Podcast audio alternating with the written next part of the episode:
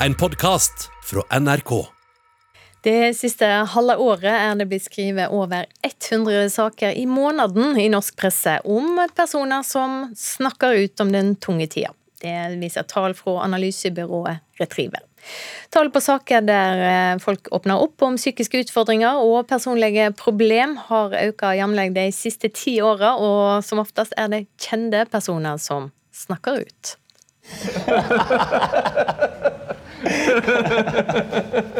Du hører latteren til to populære komikere. Martin Beyer-Olsen og Lars Berrum. Jeg hadde en overskrift av brudd og angst, og det fikk jeg høre at det var eh, første gang eh, at det har vært brudd og angst, samme overskrift, og ikke en plussak. Altså Alle kan gå inn på den, men jeg er så uinteressant at her må vi bare mate på med traumer for å få noen få til å gå inn på den saken. Berrum har flere ganger valgt å snakke ut om den tunge tiden, som det heter, i flere av landets største aviser. Jeg heier på at åpenhet er bra, og at det er bra at det er åpenhet rundt eh, ja, både psykiske og somatiske plager. At vi alle har sitt, på en måte. Men ifølge Berrum snakket han om mange andre temaer under lange intervjuer. Likevel opplever han at sakene ofte ender opp med å handle om at Berrum snakker ut om den tunge tiden. Jeg syns det er litt kjedelig at det er det som skal henge seg opp i hver gang. Og så er det jo media som må gå i seg sjæl. Skal de bare ha sånne saker? Og der går det vel på tall da, og klikk. Går det på tall og klikk? Nei, altså Ja, det påvirker vinkelen på den måten at vi er opptatt av å tise sakene. Vi er opptatt av å få folk rett og slett, da, få, få, det, få, folk til å lese sakene, få dem inn i saken. Jonas Jørstad er redaktør for Kjendisdesken hos Aller Media, som drifter både Dagbladet Kjendis og Se og Hør. Det siste halve året har norske medier i snitt skrevet over 100 saker i måneden om personer som snakker ut om den tunge tiden. Som oftest handler sakene om kjendiser, viser tallene analysebyrået Retriever har henta fram for NRK. Dagbladet og Se og Hør skriver flest slike saker. Eh, vil kanskje være ekstra oppsiktsvekkende når kjente mennesker åpner opp måte, noen dører som du kanskje ikke hadde forventet at de skulle åpne. Så det, det, gjør jo sitt til at vi som medier tenker at det er naturligvis en god sak. I løpet av de siste ti årene har det vært en jevn økning av saker om personer, som oftest kjendiser, som snakker ut om psykiske utfordringer og personlige problemer. Bare de siste fire årene har antallet denne type saker dobla seg, viser tallene fra Retriever. Men at kjendiser snakker om vanskelige temaer, det gjør vel bare at det blir færre tabuer og enklere for andre å snakke om sine problemer? Vel, ikke nødvendigvis, sier psykolog Ole Jakob Madsen. Fordi det er jo unektelig sånn at disse menneskene kommer jo med på en måte en totalpakke, da, hvor de har noe interessant å by på, har et unikt uh, talent som ikke vanlige mennesker har. så skal si, De vanlige dødelige ikke alltid, kan ikke alltid regne med den samme type oppmerksomheten eller anerkjennelsen kanskje fra, fra de rundt, hvis de står uh, fram uh, med det her. Så er det ofte at de snakker ut om den, den, tunge tiden som om det er noe som er uh, et stadie som er lagt bak dem. Det er noe de er ferdig med, noe de har lykkes å komme gjennom. Eh, mens for mange så vil jo det være snakk om kroniske tilstander som man aldri helt si, kommer seg gjennom eller blir ferdig med, da, men noe som eh, varer livet ut. Så blir det jo litt sånn uggen følelse noen ganger at uh, når det blir slått opp veldig sånn deskete i en overskrift For jeg har jo sagt mye annet òg, kanskje inni den artikkelen sier at jeg vil ikke at dette skal bli noe sutrete eller uh, at man skal gråte over det, liksom. Nei. Det fikk du også på trykk. Ja, det fikk jeg faktisk. Mm. Og Den eh, som hadde snakka ut med komikerne Lars Berrum og Martin Beyer-Olsen, det var reporter Christian Ingebretsen. Eva Sandum, velkommen til Nyhetsmorgen. Takk for det. Du har jobbet med presseetikk i mange år, og, og har podkasten Tut og mediekjør, eh, der dere snakker om medienes rolle og ansvar. Hva, hva tenker du om at norsk presse skriver såpass mange saker om det å snakke ut? Jeg tenker at mediene skriver om kjendiser fordi eh, vi er opptatt av kjendiser. Og Eh, det er jo ikke så rart. altså Når kjente mennesker snakker ut om vanskelige ting, så, så syns jo kanskje vi at det er litt deilig å se at eh, det ikke bare er fasade der også. At vi kan høre at eh, andre mennesker også har det vanskelig og sliter litt og sånn. Og så, så tenker jeg jo at i mange tilfeller så er det bra. Det setter jo også fokus på angst, depresjon, selvmord. Vanskelige ting. Så, så det kan absolutt være noe positivt med det. Mm, men er det, er det, kjendisene selv som ønsker først og fremst å snakke om dette, tror du?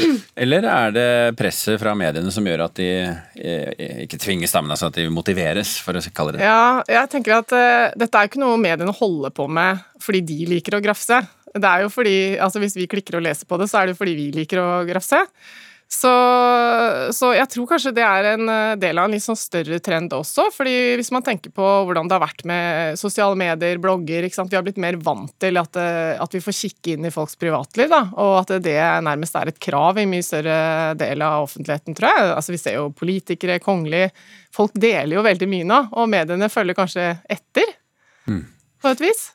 Men, men er det fremdeles sånn at det er greit for, eh, for kjente mennesker å velge å ikke snakke om det? Ja, eh, selvfølgelig må det være det. Jeg tenker at I mange av disse tilfellene her så er det jo eh, et slags avhengighetsforhold, kanskje, mellom kjente mennesker og mediene. ikke sant? Så, så noen bruker jo mediene, og kanskje sine litt vanskeligere deler av livet, for å få oppmerksomhet, at det passer seg i en eller annen sammenheng når de har et eller annet annet og de vil ha oppmerksomhet rundt. Men det som jeg er opptatt av, er vel egentlig mer de gangene det ikke er tilfellet. Hvor man eh, i et eller annet format som er litt, eh, litt eh, større og romsligere, altså i et portrettintervju, i et podkastintervju der man snakker om en konkret ting, at det tas ut av den store sammenhengen i et annet medie og fokuseres på der hvor bare det lille man har sagt om et eller annet angst og vanskelig, blir overskriften, eh, klikksaken, og at det skal veldig mye til at eh, publikum får med seg hvor ble dette sagt, Eh, i hvilken sammenheng, kanskje er det kjempelenge siden osv. Så, videre. så der syns jeg det gjøres en del eh, feil, om jeg kan si det sånn. At man, man, misbruker den milde detaljen til å lage en ny sak.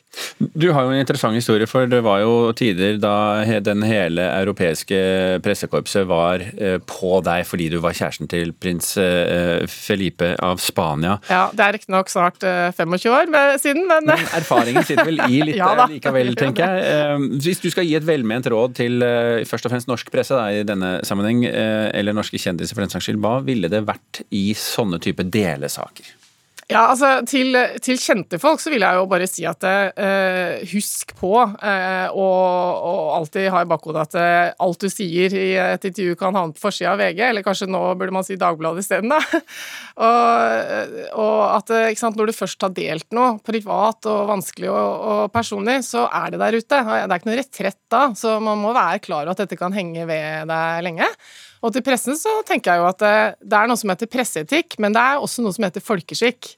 Så jeg tror at det, i sånne tilfeller hvor, eh, hvor, offentlige og kjente personer deler av vanskelige ting, så kan man jo rett og slett ta litt ekstra hensyn. Det er jo ikke bare å kjøre på med en sak fra et intervju som ble gjort for to år siden fordi eh, noen fortalte noe i en eller annen setting, og nå er denne personen aktuell igjen. Vi republiserer dette intervjuet om spiseforstyrrelser eller kjærlighetssorg eller brudd eller angst. ikke sant? At man tenker på menneskene i det, da. Tar litt ekstra hensyn. Det er vel egentlig mitt råd. Og så er det jo å snakke sammen. Som kjendis så bør du spørre på forhånd. Hvordan kommer dette til å bli presentert? Stille noen krav. Du kan spørre.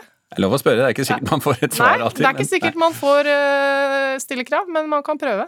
Eva Sandum, takk for at du var med i Nyhetsmorgen. Takk selv. Ei anna som har lang og variert erfaring med norsk presse, det er prinsesse Märtha Louise. I dag fyller hun 50 år. Og reporter Thomas Alvarstein Ove, hva syns hun om å vokse opp i rampelyset? Mediene har jo fulgt livet hennes tett allerede fra dagen hun ble født. Siden hun var førstefødt, men ikke tronarving, så var det jo tidlig klart at eh, livet ville bli annerledes enn om hun skulle blitt dronning. Kollega Kristi Marie Skrede har møtt henne i anledning jubileet, og prinsessen forteller at oppmerksomheten opp gjennom livet har vært både og. Men jeg skjønner jo at det, det, er mange som følger med også i den prosessen jeg har i livet mitt. da.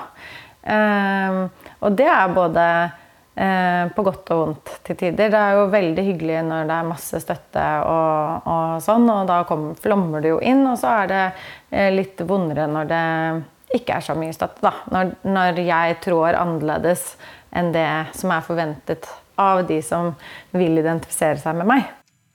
Ja, Märtha Louise har jo i stor grad staka ut eh, sin egen kurs i livet. Hvordan har hun opplevd reaksjonene på det?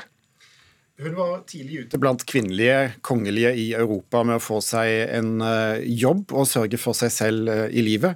Og Det har ikke alltid vært i tråd med forventningene hun har møtt, uh, forteller hun, men nå går det mer knirkefritt. Det er jo uvant ikke sant, at de kongelige skal jo på en måte bare gjøre det de kongelige skal gjøre, som er å åpne nye ting eller holde taler eller ikke sant. De, de er jo på en måte i det der sjiktet. Og fordi at ingen kvinner før meg har valgt å ha en vanlig jobb, da, som er eh, sant, kongelige, så, så, er jo jeg den første, da, og da er det jo jeg som må bryte alle de forventningene og grensene og så tråkke opp en ny sti. Og det opplever jeg fungerer mye bedre nå enn før. Og prinsesse Märtha Louise forteller at hun går inn i 50-årene med optimisme og nye prosjekter. Men for knappe to år siden eh, traff et stort mørke familien da hun eh, mistet eksmannen sin og far til eh, sine barn, Ari Behn, julen 2019. Jeg føler at vi har vært gjennom en veldig mørk dal og begynner å komme veldig ut på den andre siden. Og det er veldig godt. Jeg føler at vi er Jeg tror vi alle føler at nå kan vi nå kan vi deale med hva som helst. For nå har det verste skjedd. Mm, som kan skje. Jeg tror alle som er gjennom et sånt traume, eller i hvert fall vi, da, eller jeg, si jeg, eh, har, føler at jeg i hvert fall eh, har blitt enda tryggere på meg selv. fordi at nå vet jeg at jeg kan takle hva som helst. Stort eh, jubileum i dag, altså 50 år. Hvordan skal prinsessa feire dagen? Dagen markerer på en måte en ny epoke i livet hennes. For, uh, ikke fordi hun fyller 50, men uh, for hun stoler på sin fars påstand om at alder bare er et tall. Men hun har oppdaget strikking og gir ut strikkebok sammen med sine egne barn og andre venner. Så i dag skal hun signere 1000 bøker i en bokhandel, men så blir det vel litt feiring også. Takk skal du ha, reporter Thomas Alverstein Ove. Nå skal vi snakke om forfatter Anders N. Kvammen, for han har fått mye ros og til og med en Bragepris for de to første tegneserieromanene sine. 'Ungdomsskolen' fra 2016 og eh, tegneserieromanen 'Jobb', som kom i fjor. Nå kommer et nytt hefte, og denne gang er det i samarbeid med Kirkens Bymisjon. Temaet det er demens og Alzheimers sykdom hos yngre mennesker. Og boka den heter eh, Jeg husker ikke historier om demens. Leif Ekle, litteraturkritiker, god morgen. Morgen. Du har lest alle disse tre fortellingene, du. Ja. Eh, gi oss et inntrykk av hva de handler om. Hvis vi tøyer begrepet novelle litt, så, så er det en, en, slags eh, tegneserie. Noveller. Um, de er plassert Unnskyld at jeg avbryter, men altså, når jeg sier uh, tre fortellinger, så er det altså tre fortellinger om demens. Om I demens. den siste boka, ikke alle tre bøkene. Nei, i det, ja, nettopp. Ja. nettopp. Vi har nok ikke tid til å snakke om alle bøkene. Nei. Nei. Uh, uansett, disse tre historiene er plassert i hver sin familie. Uh, der en av foreldrene blir ramma av Alzheimer og, og, opplever da demensens store problem. Det er Geir, en middelaldrende mann som driver en fisk- og viltbutikk sammen med en kamerat. Han begynner å rote.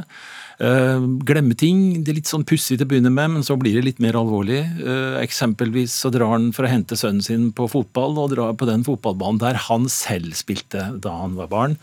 Uh, Istedenfor å være på riktig sted.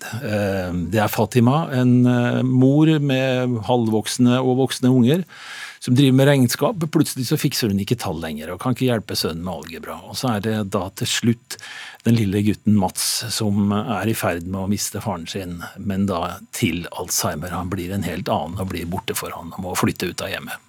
Dette er altså i tegneserieformat. Hvordan fungerer det egentlig? Det fungerer vil jeg påstå svært godt. Kvammen har en helt umiskjennelig stil.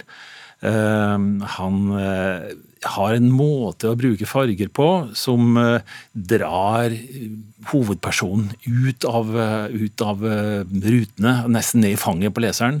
Særlig den første historien er den teknikken med å bruke to-tre kontrastfarger som, som, som, middel veldig tydelig. og han tegner enkelt og nesten naivistisk, men han får budskapet så veldig tydelig og fint fram. da og sorgen, ikke minst, som rammer både den som forstår at nå er noe veldig galt, og de som er rundt. Jeg nevnte jo innledningsvis her at dette er et samarbeid med Kirkens Bymisjon. Mm. Er det noe som gjør boken godt? Eh, ja og nei. Altså, det, det, det, får et lite preg av at, eh, at vi er ute på et oppdrag. Um, og, og, historien skal fortelles. Det, skal, det, handler om at yngre mennesker også kan få demens. Og, og, og, boka, de to første historiene preges litt av en slags brukermanual. Dette skjer når uh, demensen kommer, og slik kan du håndtere det.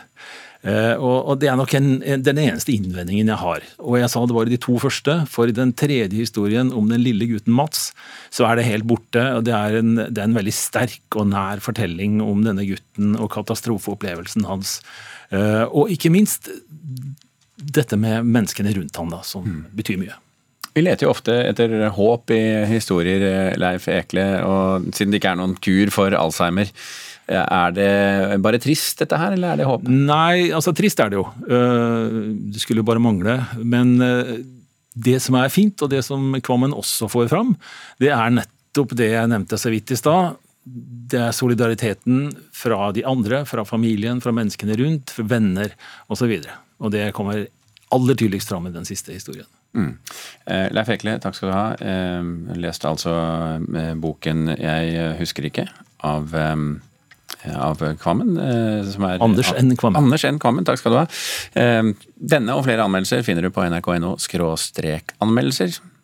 Takk skal du ha for at du kom. Du har hørt en podkast fra NRK. Hør flere podkaster og din favorittkanal i appen NRK Radio.